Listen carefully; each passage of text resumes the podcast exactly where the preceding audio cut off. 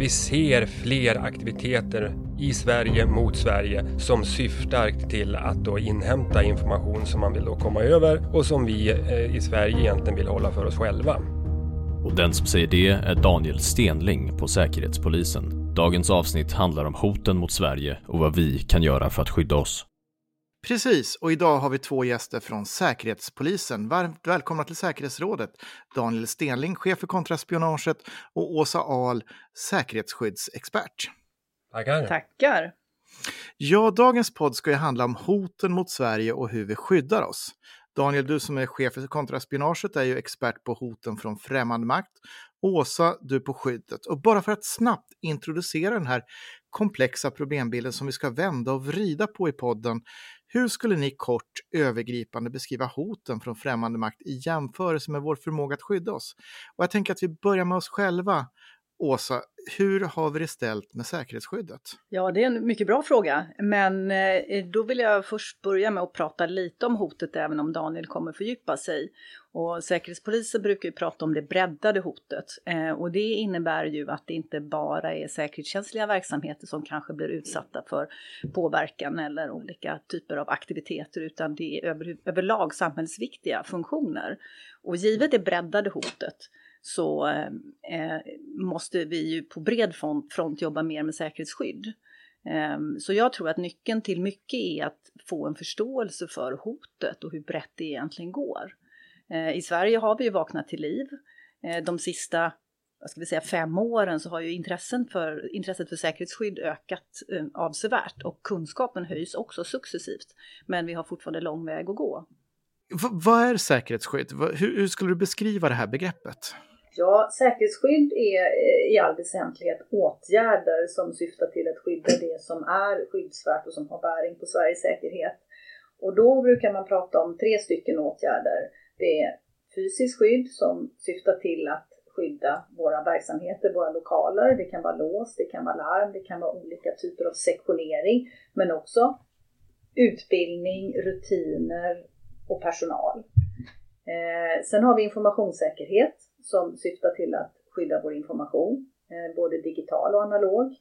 Ehm, och eh, då är det allt ifrån olika brandväggar, det är att ha den senaste uppdateringen av virusskyddet, men det är också rutiner och personal och behörigheter så att man har de behörigheterna som man ska ha.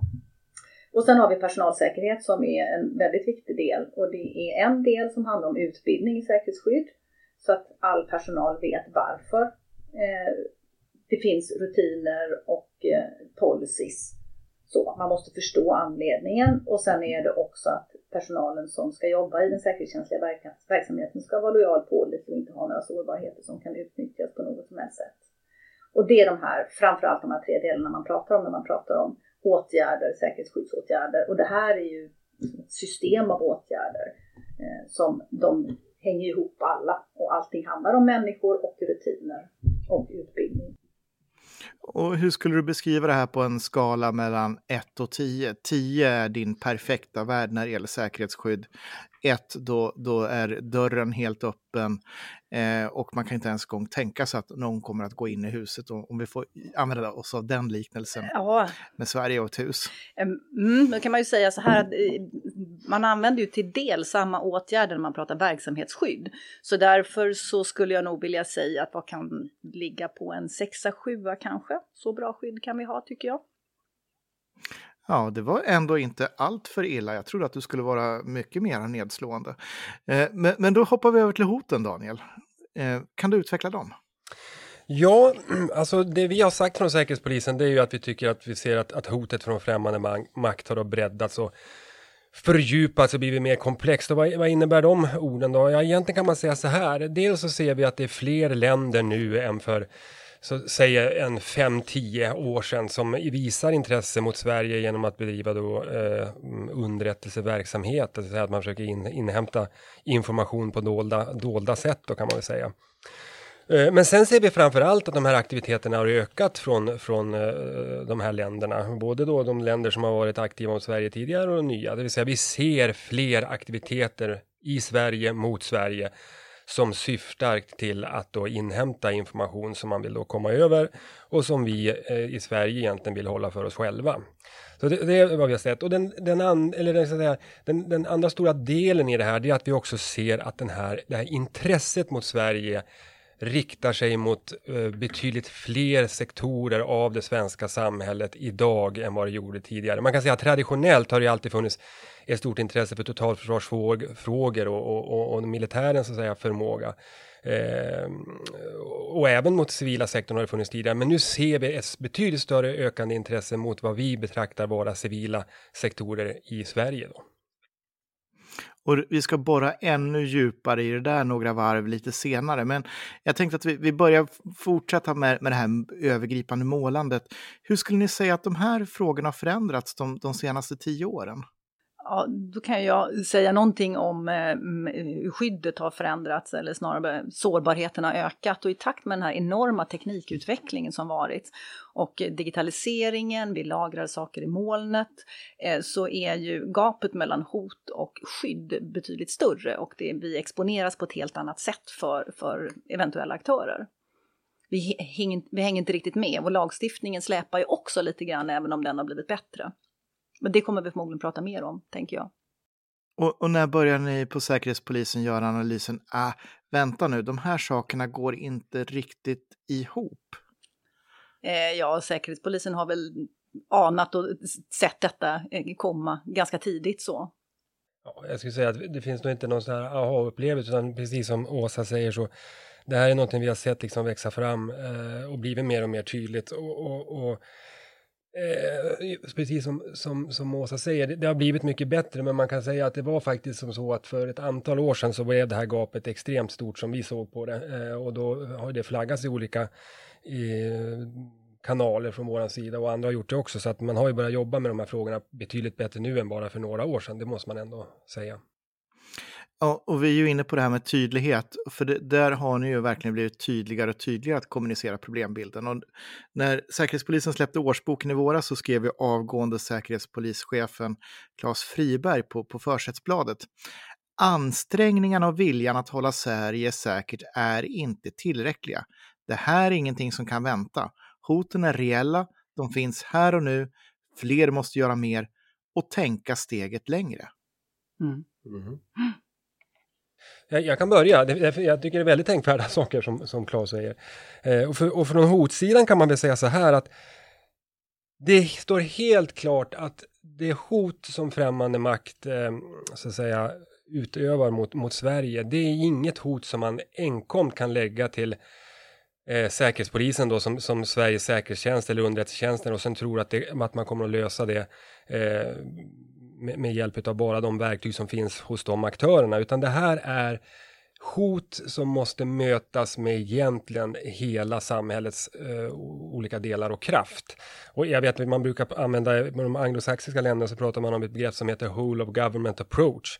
Det vill säga att man måste möta eh, de här aktiviteterna med, med hela, hela statens, eh, och jag skulle säga egentligen hela samhällets eh, olika metoder och förmågor. Eh, så fler måste definitivt göra mer eh, på hotsidan och min bild är också så att det är likadant på skydd, skyddssidan. Ja, men lite grann så. Det är, det är väl det som vi brukar prata om på Säkerhetspolisen, att det, det här angår ju inte bara en stackars ensam säkerhetsskyddschef utan hela myndighetsledningen eller företagsledningen måste vara involverade i säkerhetsskyddsarbete eller skyddsarbetet. Eh, det är ett lagarbete och alla måste vara med, annars blir det inte bra. Och jag slås ju av att det här är extremt tydligt, skrikande tydligt. Man, vill man måla så kan man säga att ni skjuter ju upp nödraketer i alla färger med det här uttalandet. Eh, I alla fall om man förstår det som jag skämtsamt brukar kalla för säpokratiska. Det där lite kryptiska kodspråket som säkerhetstjänster som, som ni brukar gilla att använda er av. När man inte säger något fast man säger något fast man inte kan säga vad man säger fast man vill få fram sitt budskap i alla fall. Eh, Eh, men vad gör att det här uttalandet ändå inte fastnar i den svenska debatten?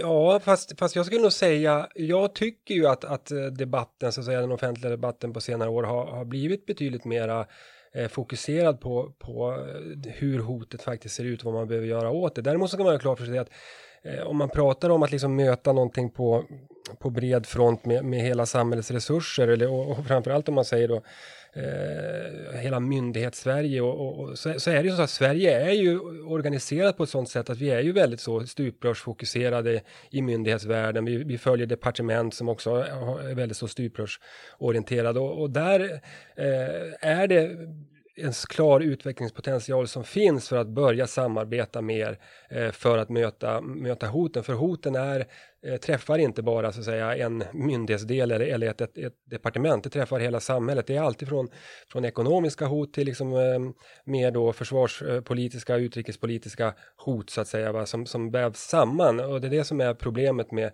med det här hotet från främmande makt idag. Att, eh, eh det är mer så att säga eh, om jag beskriver, det är mer, det är mer diffust eh, i sin natur och i sina konturer innan man kan identifiera det fullt ut och sen då sätta in rätt åtgärder för att egentligen då, eh, om jag använder ett sånt här serbo, vad sa du, serbo-kroatiskt uttryck, reducera hotet. Ja, ja precis, serbokroatiskt. Ehm, eh, ni brukar inte gilla att prata exempel allt för tydligt, men, men jag, jag ska försöka schablonisera det som jag ser som problembilden här. Och det är ju då att ner i till exempel på kommunal nivå, eh, ner på enskilda kommunpolitiker som sitter i nämnder och annat, eh, så, så, så förstår man inte de här frågorna. Man ser inte att säkerhet eh, är av betydelse för den kommunala beslutsfattandet och man förstår inte att det finns aktörer som använder sig av olika typer av verktyg för att komma in i, i, i kommunen på ett sätt som, som skadar svensk säkerhet. Det är här jag menar att vi har, har glappet att, att idag, att hela samhället, whole government approach, hänger inte riktigt med. Delar ni den bilden? Eh, både ja och nej kan jag säga. Det gäller ju även små enskilda företagare eh, så, som kanske inte tycker att de eh, egentligen omfattas av lagstiftning och annat. Men jag skulle ändå vilja slå ett slag för lagstiftningen där det faktiskt har hänt saker. Att från 2019 så omfattas ju även enskilda företagare av säkerhetsskyddslagstiftningen. Ehm, och det är ju ett lite nytt grepp så. Att ehm, att det är mycket som kan vara av vikt för Sveriges funktionalitet. Sen att det ligger verksamhetsutövaren, det är ju verksamhetsutövarens eh, eh, arbete att eh, liksom definiera sin egen verksamhet och det, det, det kan ju vara ett problem då. Mm. Jag, jag, tänkte att nu skulle vi ta, och, ta den här lilla fördjupningsdelen i podden och jag tänkte att vi skulle ta och prata om hoten från främmande makt. Och ni pratar ju framförallt om tre länder som i olika sammanhang som du brukar namnge, Ryssland, Kina och Iran. Och jag tänkte att vi skulle gå igenom dem alla tre, vad de är intresserade av, vilka metoder de använder och så vidare. Och jag tänkte att vi börjar med, med ja, vi kan väl kalla det för bronsplats, tredje plats, eh, utifrån hot mot Sverige, Iran. Ja, Eh, jag kan säga så här att vi, Säkerhetspolisen, vi, vi brukar inte egentligen värdera eh, länder utifrån någon sån, sån eh, grad, grad så att säga. Vi, vi, vi säger att de bedriver olovlig underrättelseverksamhet mot, mot Sverige eh, och de är ett, ett underrättelsehot mot, mot Sverige eh, och de vi pekar ut har egentligen varit då Kina, Ryssland och Iran. Men om jag börjar med Iran så kan man väl säga så här.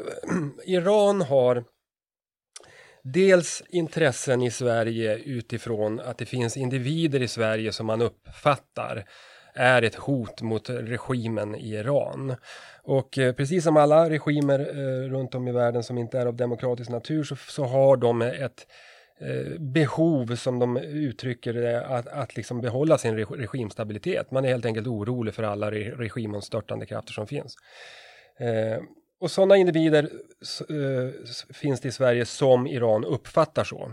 Så det är den ena delen. Uh, och det här, är ett, det här är ett allvarligt hot därför att uh, det här riktar in sig dels mot enskilda individer som kan råka väldigt, väldigt illa ut.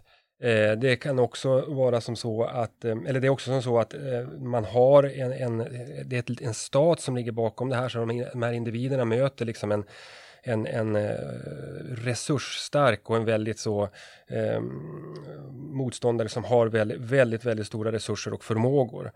Eh, och det tredje som jag tycker om, eller som jag gärna vill lyfta i det här också, det är ju faktiskt att det här är ju i grund och botten ett hot mot, mot Sveriges eh, demokratiska system. Det är i alla fall ett hot mot våra grundläggande fri och rättigheter som vi värderar väldigt högt, yttrandefrihet och rätten att bilda opinion och sådana saker som egentligen vårt demokratiska system vilar på. Och det är klart att eh, när då liksom icke-demokratiska länder sticker in sina, sina, sina långa armar och försöker då tysta individer i Sverige, eh, att, alltså för att i Sverige för, för att utöva de här grundlagsskyddade fri och rättigheterna, då är det ett hot.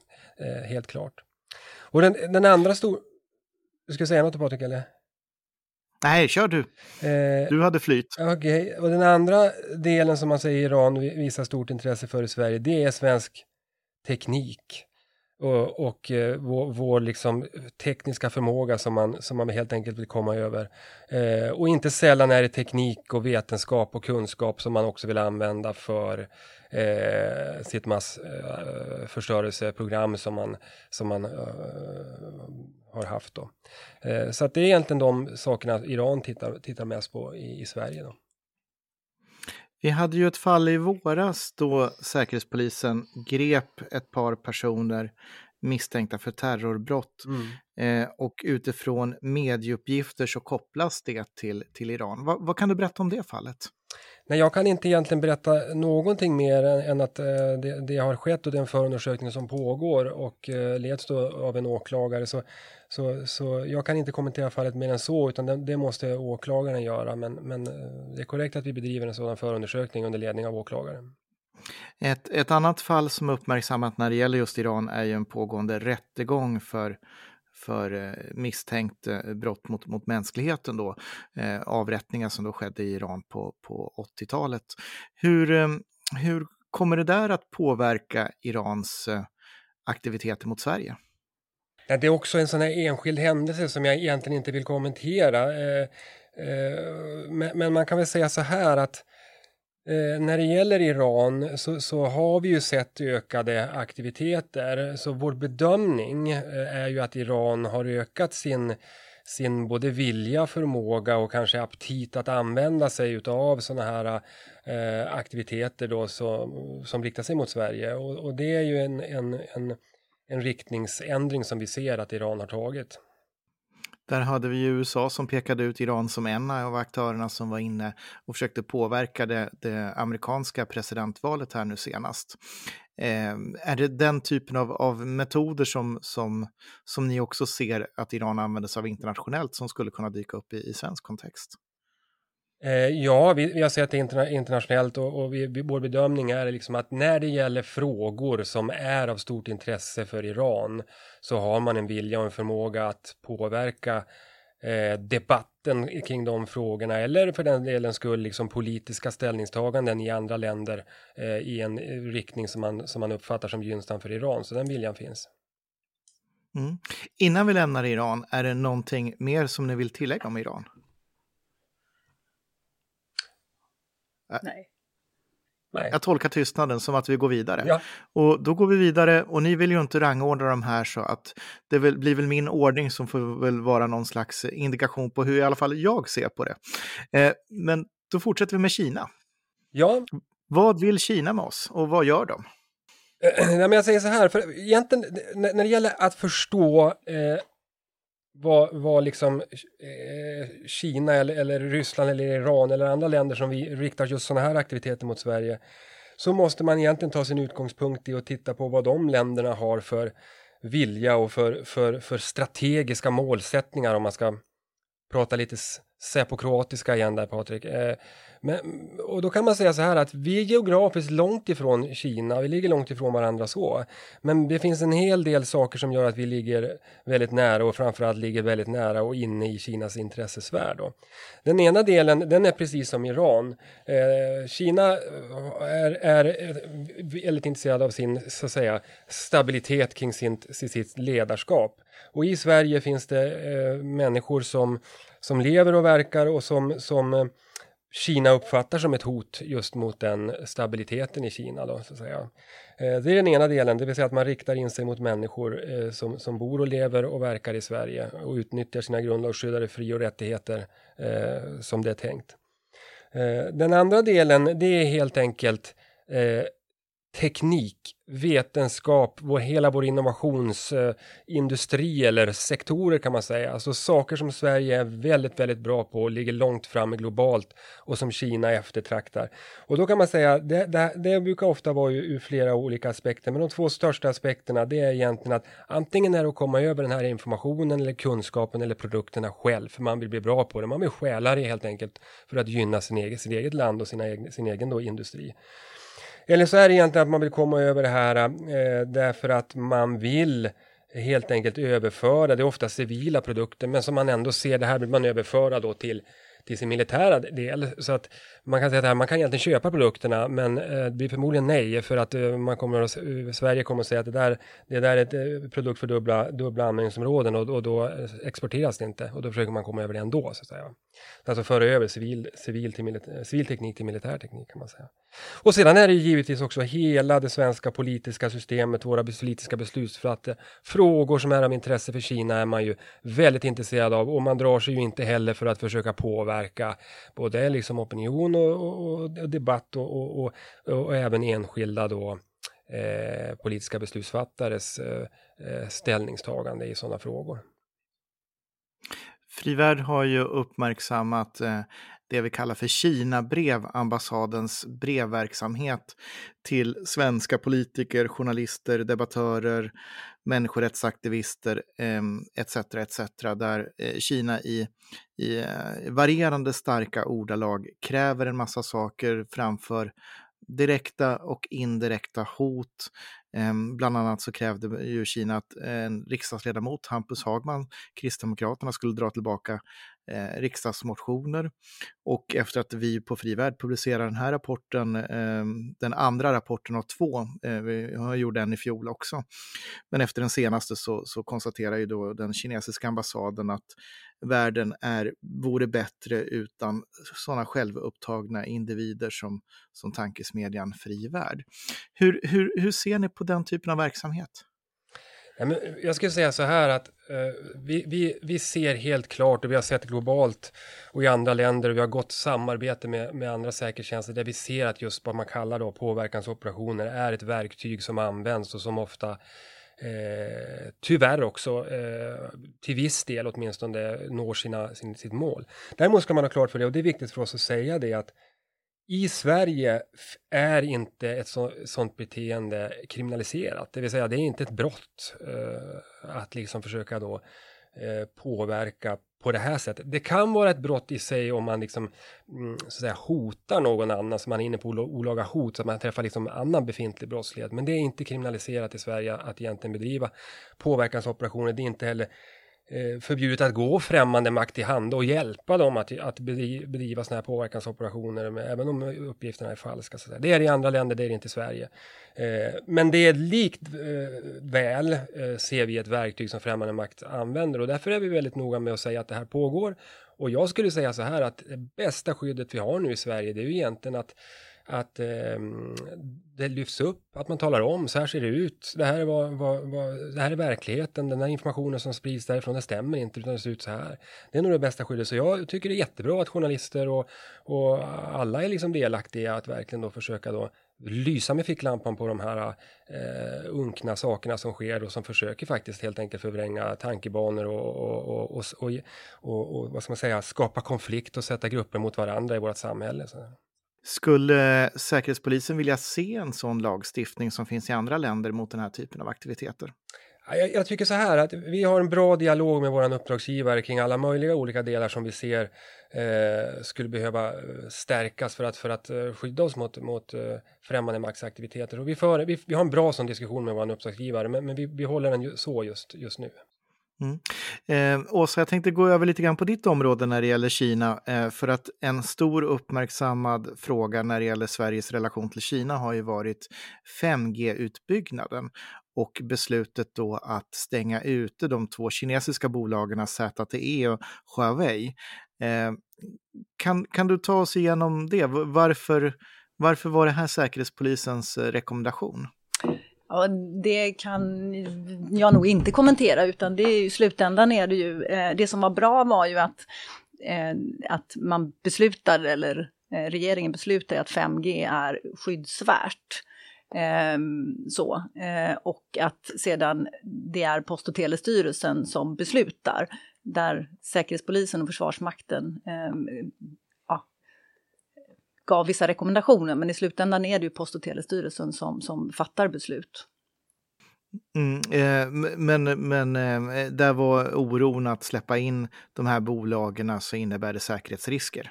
Eh, annars så hade ni ju inte gett, gett rekommendationer. Jag tänkte, kan, kan man lägga ut lite bredare allmän text utan att gå in på det specifika? Ja. ja, så här kan man ju säga så här, precis som Åsa säger så, så är ju det här skyddsvärd infrastruktur. Eh, och då kan man säga att bedömningarna som görs eh, är ju dels utifrån att vi blickar liksom långt fram i tiden. Vi inser att det här kommer att vara något som kommer att vara bestående för väldigt lång tid. Nu kommer jag inte ihåg exakt, men, men det var ju väldigt långa eh, tider som man, som man då fick eh, driftningsmöjligheter för de här. Och sen kan man väl säga så här att en viktig bedömning som, som måste göras och som Säkerhetspolisen eh, gjorde då, det är ju att egentligen se så här, vad är vad är risken för att någonting skulle kunna hända om man blir utsatt för, för press ifrån då eh, en, en, en stat som, som, vill då, som, som vill rikta antagonistiska handlingar eh, eller skada Sverige på något sätt. Eh, så det är också en riskbedömning som görs utifrån eh, de, de delarna. Mm. Eh, då lämnar vi Kina, tänkte jag, och så går vi till Ryssland. Ja, men Ryssland är ett land som vi riktar omfattande underrättelseverksamhet mot, mot Sverige. Och man kan säga så här att de intresseras egentligen för alla sektorer i, i, i, som finns då, från det civila till det militära och totalförsvarsdelar. Eh, det är allt ifrån individer som, som sagts tidigare här, det är, det är all teknik, Ryssland är väldigt stor, stor, eh, stort intresse av svensk teknik där vi ligger på framkant för de behöver själv utveckla sin teknik och, och, och, och lyckas helt enkelt inte göra det på annat sätt än att man försöker komma över eh, den från andra länder. Då. Eh, och sedan är det då eh, så att man riktar intresse från då sve, eh, eller för svensk totalförsvarsförmåga och militär förmåga Eh, Eh, det gör man ju. Eh, och, det, ska man ju ha klart för sig. Det gör man ju egentligen utifrån att Sverige befinner sig i den här eh, då eh, säkerhetspolitiska intressanta området då med Östersjöregionen och sen har vi då hela Nordkalotten och de delarna där. Eh, så vi är liksom vi ligger i ett, i, i ett område som potentiellt blir helt enkelt väldigt intressant utifrån om det skulle bli då en militär konflikt mellan Ryssland och, och, och NATO. Då.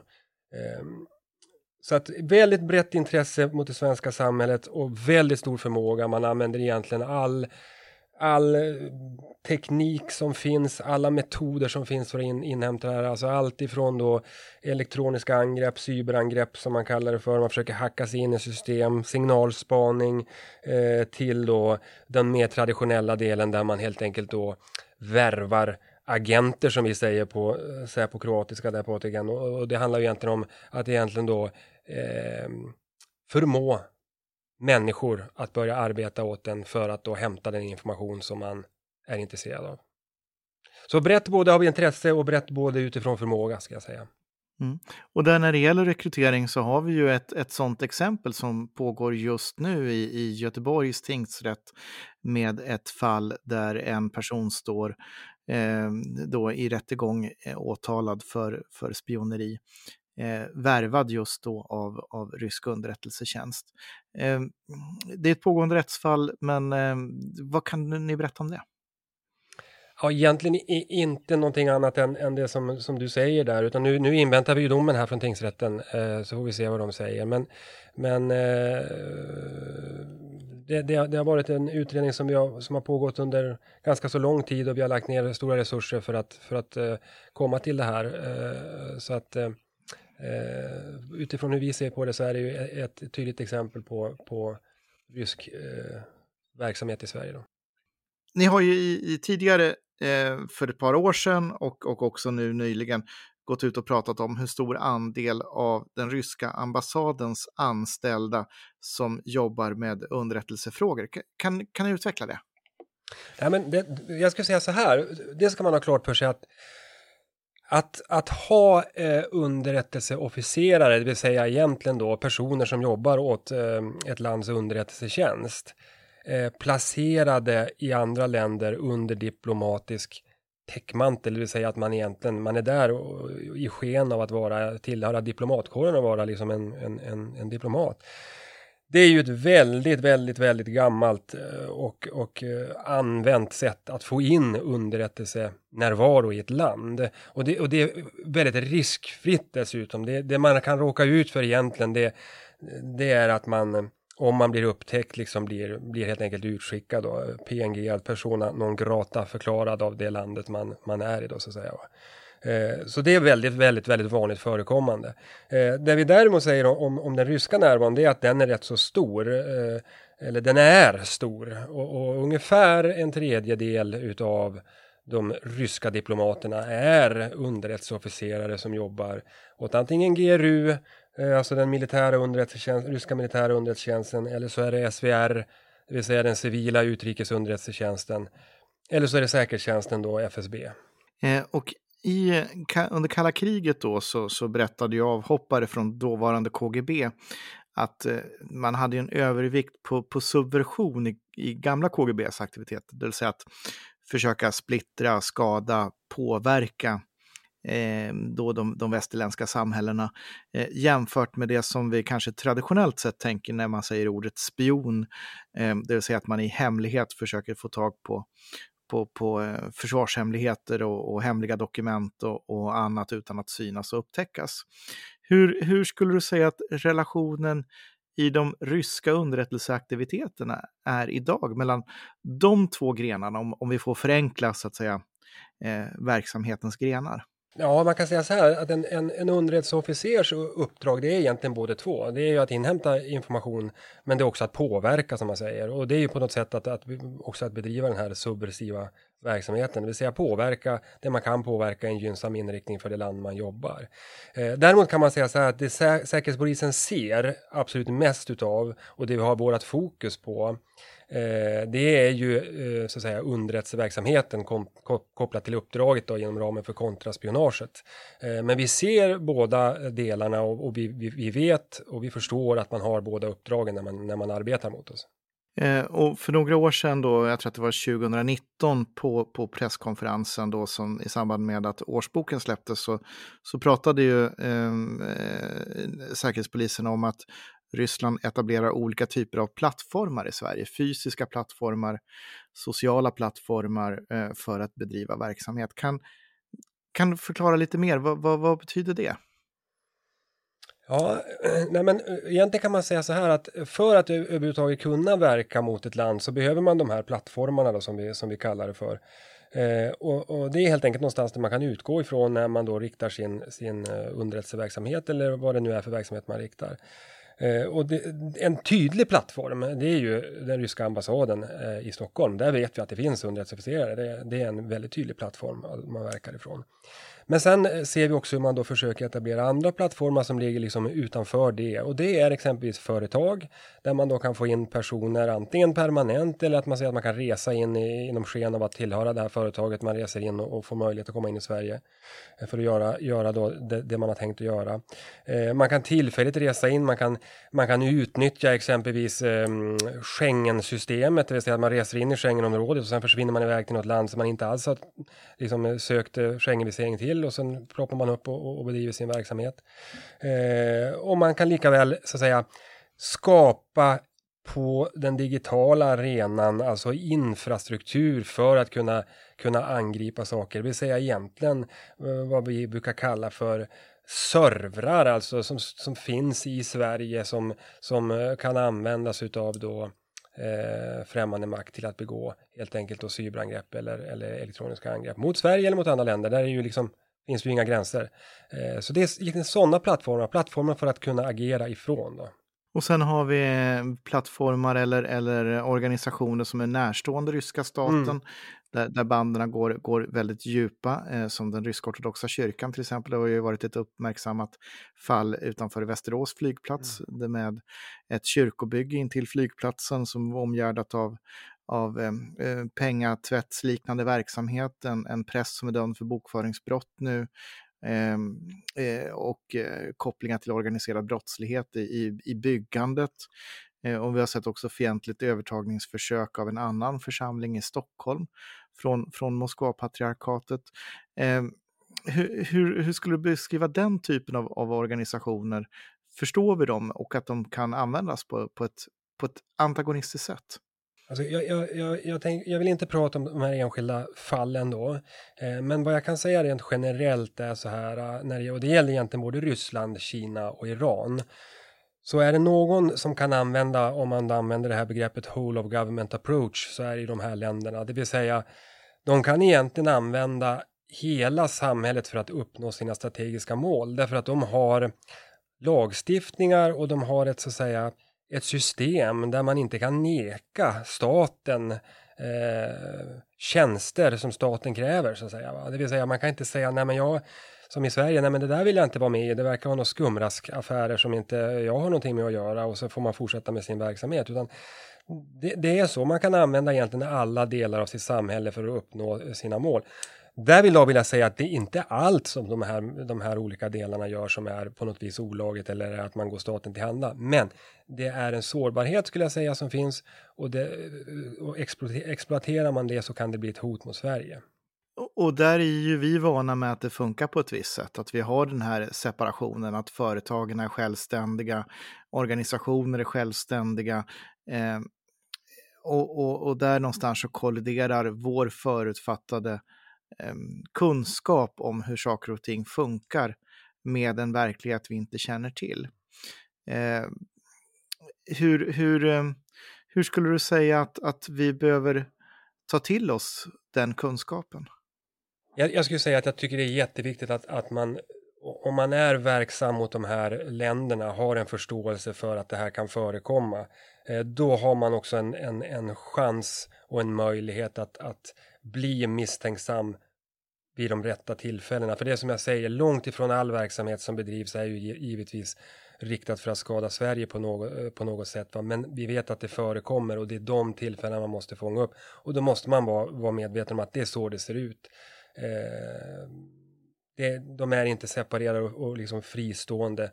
Samhällena ser inte ut som det i Sverige utan de, de måste helt enkelt ställa upp om, om staten då kräver det av dem. Ja, låt oss säga nu att den som lyssnar är företagsledare eller kanske ett kommunalråd som börjar känna att nu känns det ju lite svettigt. Det är mycket olika saker att ta till sig. Eh, som, som till exempel Claes Fribergs uppmaning, fler måste göra mer och tänka steget längre. Så, så var börjar man någonstans, Åsa, i, i att, att göra, mm, tänka steget längre och göra mer? Ja, till att börja med är det ju väldigt bra om att man bara börjar fundera, liksom herregud, eh, kan jag eh, ha detta med mig att göra så, jag som enskild företagare? Eh, så vad, vad börjar man med? Jo, man måste ju utreda om man omfattas av säkerhetsskyddslagstiftningen och då ska man börja göra sin säkerhetsskyddsanalys, det är nummer ett. Och då tittar man på, bedriver jag säkerhetskänslig verksamhet? Eh, vad finns det för sårbarheter? Vad finns det för hot mot min verksamhet? Och vilka åtgärder måste jag vidta för att skydda min verksamhet? Och många gånger så kanske det inte är hela verksamheten utan det är bara del av verksamheten då som, som kanske är säkerhetskänslig. Eh, och den, det problemet som, som jag vet att många verksamhetsutövare har det är just att bestämma, eller ja, att försöka definiera konsekvensen av en skada mot det som är säkerhetskänsligt. Att det ska ha bäring på Sverige nationellt. Och det är en utmaning. Men det är där verksamhetsutövarna ska börja och kommer man då fram till att ja, jag omfattas av säkerhetsskyddslagstiftningen, ja då ska man ju också följa den och skydda det som är skyddsvärt. Och, och, och, sen händer det ju saker också på lagstiftningsområdet. Eh, det händer någonting första december. Det gör Berätta. det. Ja, det har hänt mycket till att börja med. Vi hade ju en gammal lagstiftning från 96. Eh, sen fick vi en ny 2019 där det stora var att även privata aktörer omfattades. Sen så eh, kom det in i förordningen att vid utkontraktering eller outsourcing eh, så ska man då samråda med Säkerhetspolisen där Säkerhetspolisen har en möjlighet att säga nej, det är olämpligt givet de skyddsåtgärderna som verksamhetsutövaren då har, har um, satt upp. Eh, men det stora nya nu som kommer första december, det är att det blir en helt ny tillsynsstruktur. Idag är det ju Säkerhetspolisen, i all väsentlighet Säkerhetspolisen och Försvarsmakten som är, som är tillsynsmyndigheter. Eh, nu kommer det bli betydligt fler. Säkerhetspolisen och Försvarsmakten kommer att ha ett övergripande, eh, de kommer att ha sa ett sammanhållande ansvar, men sen kommer det bli fler tillsynsmyndigheter. Eh, tillsynsmyndigheterna kommer få fler befogenheter. Eh, sanktionsavgifter är ett exempel. Så det kommer att kosta helt enkelt att bryta mot säkerhetsskydds lagen. Idag gör det ju inte det. Det är möjligtvis pinsamt men det, är inte, det kostar ingenting. Så att förhoppningsvis kan det ha en effekt. Och, och samtidigt så är ju, är ju eh, många av de här bitarna eh, i, mer och mer i en globaliserad tillvaro. Jag tänker till exempel på eh, molntjänster eh, och det kan ju hamna under flera olika lagstiftningar. Eh, hur, hur, hur ska man brottas med de, de frågorna? För att det, det, är ju inte, ett, jobbar du i ett internationellt bolag och, och, har olika typer av tjänster så, så är det kanske inte så lätt att, att, att veta var faller, var, vilken lagstiftning hanterar man?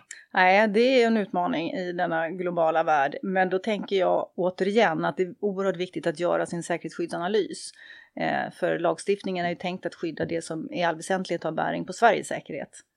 Eh, och då måste man implementera åtgärder för att skydda de skyddsvärdena helt enkelt. Eh, sen har vi ju eh, organisationer som kan ju bli utsatta för, för eh, då agentvärvningar och annat. Hur, hur, hur, vad har du för råd? Hur skyddar man sig mot sånt? Agentvärvningar, eh, ja, nu pratar jag säkerhetsskydd och då kommer man ju genast in på personalsäkerhet. Eh, och det är ju också, det är ju en utav kanske de tre viktigaste åtgärderna. Vi har informationssäkerhet, vi har fysisk säkerhet och vi har personalsäkerhet. Och personalsäkerheten syftar ju till att de som jobbar inom den säkerhetskänsliga verksamheten ska vara lojala, de ska vara pålitliga och de ska inte ha några sårbarheter. Och det är väl framförallt sårbarheterna då som man bör titta på. Eh, för att det är ju där en människa kanske skulle kunna bli eh, ett möjligt offer för en utländsk eh, underrättelseofficer. Vilka, vilka, tecken, vilka tecken ska man eh, se upp med där? Eh, jag tänker till att börja med så ska man göra den här grundutredningen noggrant vid anställande eller nyanställning då. Att man, man verkligen kollar referenser, man kollar betyg och intyg. Man försöker ställa alla de där frågorna som kanske kan upplevas som lite integritetskränkande. Det är oerhört viktigt och man måste förstå syftet med att ställa de frågorna. Och när man väl har anställt personen så är det viktigt att kontinuerligt säkerhetspröva sin personal. Så att man helt enkelt eh, har en bra dialog med individen när man ser om någonting händer i individens liv, om normalbilden förändras.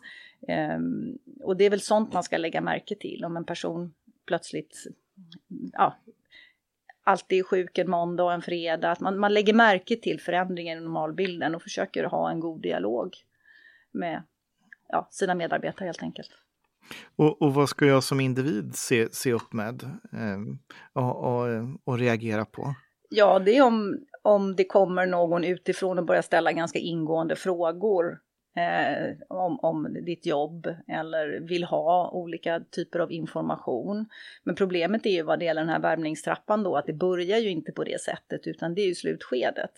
Eh, utan du kan ju redan ha blivit vän med underrättelseofficeren och då är det ju mycket svårare att säga nej. Så det är den, den typen av signaler som man ska... Ja, ska och det tycker jag att blir man det minsta bara... lilla misstänksam så ska man ju prata med sin säkerhetschef. Om man ska, ja. Så att man inte är själv i den situationen, utan våga prata.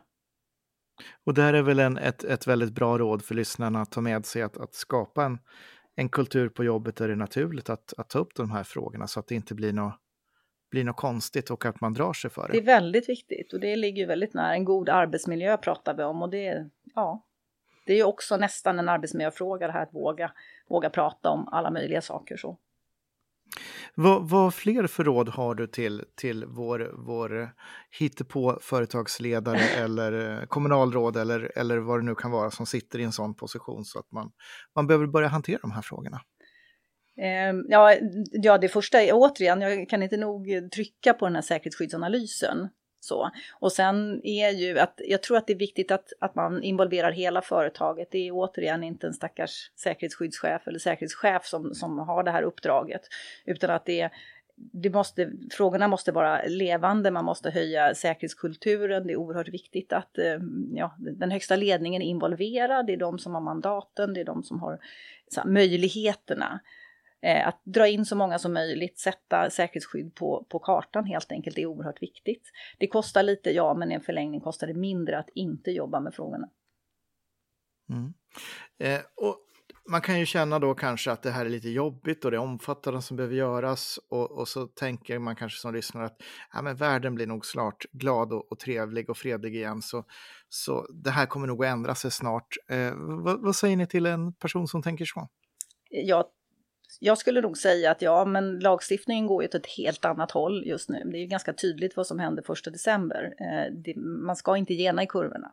Vi får liksom stöd i lagen också att ta de här frågorna på stort allvar.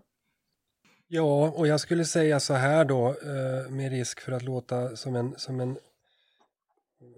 inte som en muntergök, men när vi tittar runt omkring i världen och när vi tittar i Sverige så ser vi nog snarare tyvärr att det här kommer att fortsätta. Och det beror ju egentligen i grund och botten på hur hela vår omvärld ser ut, det vill säga vad händer i hela världen. Och tyvärr är det som så att konflikter eh, inte ser ut att avta. Och, och, vi ser också att länder som exempelvis då Kina och Ryssland vill ta en betydligt större plats på den globala arenan. Och det kommer att påverka Sverige på något sätt framöver. Eh, sen ska ju vi alla givetvis och Sverige jobba för att vi ska få en fredlig värld, så det är inte det jag säger, men vi måste nog tyvärr också bedriva det här arbetet eh, under lång tid framöver för att tillförsäkra att vi faktiskt kan ha och leva i det fria demokratiska samhälle vi lever där alla har de grundlagsskyddade fri och rättigheterna som, som, som vi har i Sverige, det vill säga fortsätta kunna vara det land som vi vill eh, vara. Hur, hur länge tror ni att vi kommer behöva leva med den här nya normalbilden, om man, om man får kalla det för det? Jag vågar inte säga hur länge, men vi kan konstatera att det, så långt vi kan blicka framåt så ser det inte ut som att eh, vi kommer gå i någon annan riktning. Eh, vi, så är det. Okej, det låter som att vi får dras med det här under överskådlig framtid. Men vad behöver vi ha gjort de närmsta fem åren för att vi inte 2026 ska behöva höra Säkerhetspolisens chef upprepa Ansträngningarna och viljan att hålla Sverige säkert är inte tillräckliga. Det är ingenting som kan vänta. Hoten är reella, de finns här och nu. Fler måste göra mer och tänka steget längre. Vad behöver vi ha gjort till 2026 för att slippa få den här, den här allvarliga uppmaningen? Nej, men jag skulle säga så här att eh, jag tror att vi är på, på väg åt det hållet. Vi behöver liksom helt enkelt anpassa oss efter en ett annat säkerhetsläge som vi egentligen så att säga tidigare har varit medvetna om på, på något sätt och, och, levt väldigt nära fast hotet såg lite annorlunda ut på den tiden under, under kalla kriget och sen kom en period av eh, där vi egentligen inte kunde se något, något sånt, sånt här hot och nu ser vi det igen. Eh, så vi måste nog helt enkelt bara anpassa oss efter det här och, och liksom börja göra de saker som vi, som vi, som vi gemensamt måste göra och, och då är jag ju, förespråkar ju den, det är precis så, vi måste alla göra vår lilla del eh, för att liksom då eh, öka förmågan att möta det här hotet. Då. Eh, så jag skulle säga att eh, bollen är i rullning och jag tror att vi kommer att nå dit. Eh, men det är viktigt att, hela tiden prata om de här sakerna. Eh, och det är ju också en stor anledning till att eh, Säkerhetspolisen försöker vara så tydlig kring hotet i våra årsböcker eller när vi, när vi liksom utåt försöker förklara hotet. Det är ju för att vi vill att det här ska bli allmänt känt och, och så att man, om man då eh, arbetar eller, eller på något vis eh, behöver tänka på, på just det här Eh, hur hotbilden ser ut då. Så skulle jag säga Åsa, vad säger du? På jo, jag skulle säga samma sak och det är också därför som Säkerhetspolisen har, försöker på olika sätt eh, hjälpa till så mycket. Vi har ett antal vägledningar eh, som, som är tänkt att hjälpa verksamhetsutövarna där ute för att faktiskt skydda eh, det som ska skyddas och få reducera sårbarheter. Ehm, så. Så att använd den hjälpen som finns och vi kommer ju naturligtvis fortsätta jobba med att publicera och uppdatera våra vägledningar och lägga ut information och så för att hjälpa.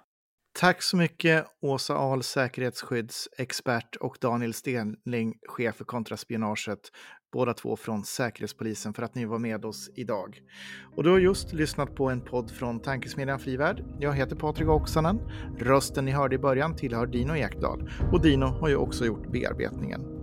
Podden finns där poddar finns. Prenumerera gärna så att du inte missar ett avsnitt. Och kom ihåg, Sverige är värt att skydda och att försvara. Motståndet upphör aldrig.